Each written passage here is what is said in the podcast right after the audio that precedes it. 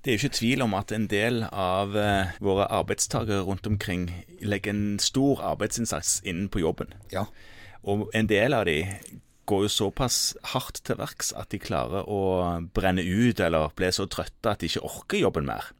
Og jeg hadde en av disse inne på kontoret og så sa at jeg lurer på om jeg begynner å bli utbrent fordi jeg sover dårlig, jeg stresser, jeg føler meg uvel i kroppen, press i brystet, litt sånn hjertebank, jeg har uløs avføring, og jeg svetter av ingenting. Altså, jeg bare føler det er noe galt, og jeg tror jeg stresser for mye på jobben, har for stort press på jobben. Ja. Jeg trives på jobben, men jeg tror det koster meg for mye. ja. Så du sykemeldte under den i 14 dager og tok den tilbake til kontoret? Så Nei, altså Jeg skal ikke si hva jeg gjorde, men eh, hun var ikke utbrent. Du gjorde det, akkurat. Ja, men hun var Poenget her Jeg tok prøver. Ja, det gjorde jeg. Du Og tok hun- blodprøver? Ja, jeg tok den prøven man tar av folk som tror de er utbrente. Ja. Så Kan du gjette hva var det? Statistisk sett hadde du sikkert ingenting, men hun kan ha mange ting. Hun Ja, hun kan kan ha for mye eksempel ting. blant annet så kan hun ha diabetes, Ja. høyt stoffskifte, ja. ja.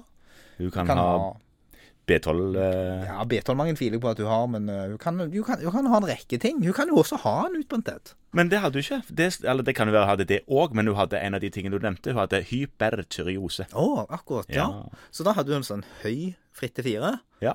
og en sikkert nesten ikke målbar TSH. ja, det var mindre enn 0,01 eller noe Ja, sånt. nettopp. Da Ja. betyr jo at laben sliter litt med å finne det i det hele tatt. Ja, De vet det er det, men de fant det ikke. Ja. Og det er jo vanlig. Det er jo en vanlig tilstand. Ja, ikke Ja. så helt uvanlig, og hyppigere blant damer. Ja, Ja. denne er eh, som en del andre sånne autoimmune tilstander noe hyppigere hos kvinner. Nesten i forholdsstand fem til én. Og det er vanlig hos middelaldrende kvinner. Og det debuterer jo med de symptomene du sier. I tillegg så er det en del som kommer og sier de har fått skjelvinger. Voldsomme skjelvinger. Skjelver hele tiden. Og da kan det være lurt å ta de stoffskifteprøvene. Og da tar man fritt til fire og TSH og ser på de. Hvis man da får sånn klassisk bilde som det du beskriver, så anbefaler vi jo tilleggsprøver. Og her anbefaler vi jo trass Trass. og anti-TPO.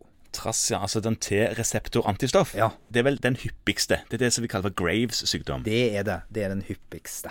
Og godt over halvparten tror jeg har Graves av de her. Jeg husker ikke akkurat, men jeg tror det er over halvparten. Det er over halvparten. Det er mellom 60 og 70 Ja, nettopp. Og det er en autoimmun tyroiditt, altså en betennelse i skjoldbruskkjertelen, som gjør at den produserer altfor mye tyroksin. Ja, Så dette er en betennelse som gjør at du produserer for mye, for det er jo òg betennelser som gjør at kjertelen settes ut av spill. Ja, Hashimoto. Ja, Hashimoto, ja. Men nå snakker vi om Graves, som er en betennelse som gjør at du produserer for mye Mm. T4. Nå er det, skjer det noe med disse TSH-reseptorene på skjoldbruskkjertelen som Ja. gjør at de skrur på produksjonen og pumper ut. Og hypofysen prøver etter beste evne å skru av skjoldbruskkjertelen.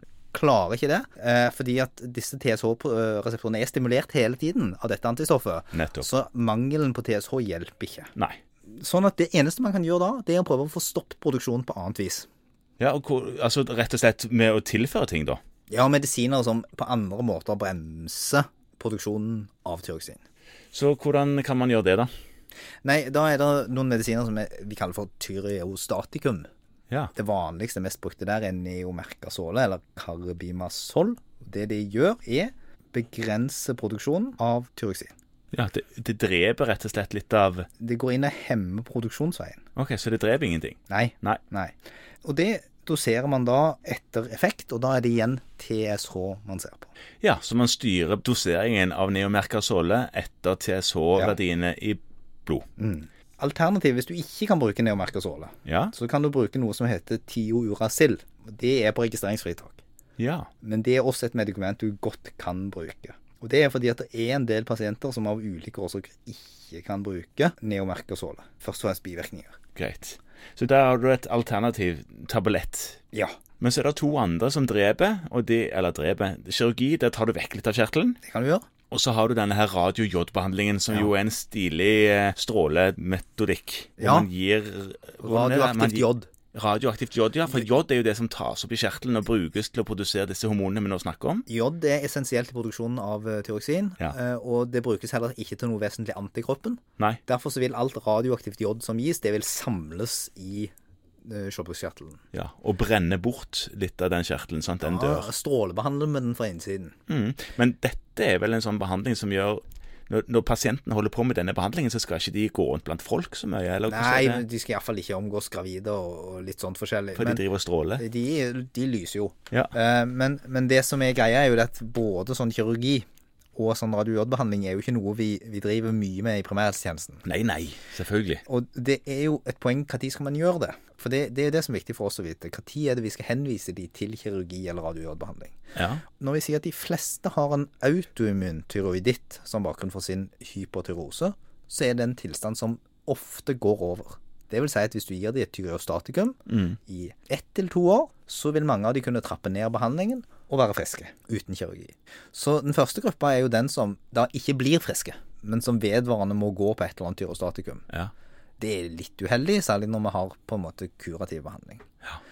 Og så er det den gruppa som vi ikke klarer å få kontroll på med tyrostatikum. Det svinger mye, det går opp og ned og fram og tilbake. De har symptomer i Enten så er de hypotyreote fordi vi har gitt dem for mye, eller så er de hypertyreote fordi vi har gitt dem for lite. ja.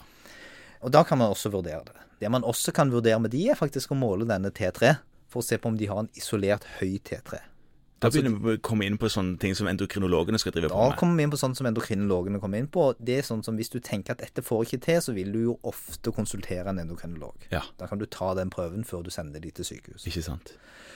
Men der kan man også gi denne behandlingen. Og det s- er jo slik at når du skal skjære bort en passe bit, Ja. eller stråle passe mye, ja. Så bommer du noen ganger. så bommer man noen ganger. Så det man noen ganger gjør, er rett og slett å skjære bort nesten alt, eller stråle bort nesten alt, og så gi substitusjonsbehandling. Og behandler de som om det var altså, at som så Som om de hadde behandler lavt stoffskifte. Så fordi- behandler du det lave stoffskiftet etterpå, ja. Da må de bruke turoksin resten av livet, men det er noen ganger mye enklere å regulere enn sånn der en er litt kirurgi. Ja, skjønner. OK, det var vel egentlig det, det. Ja,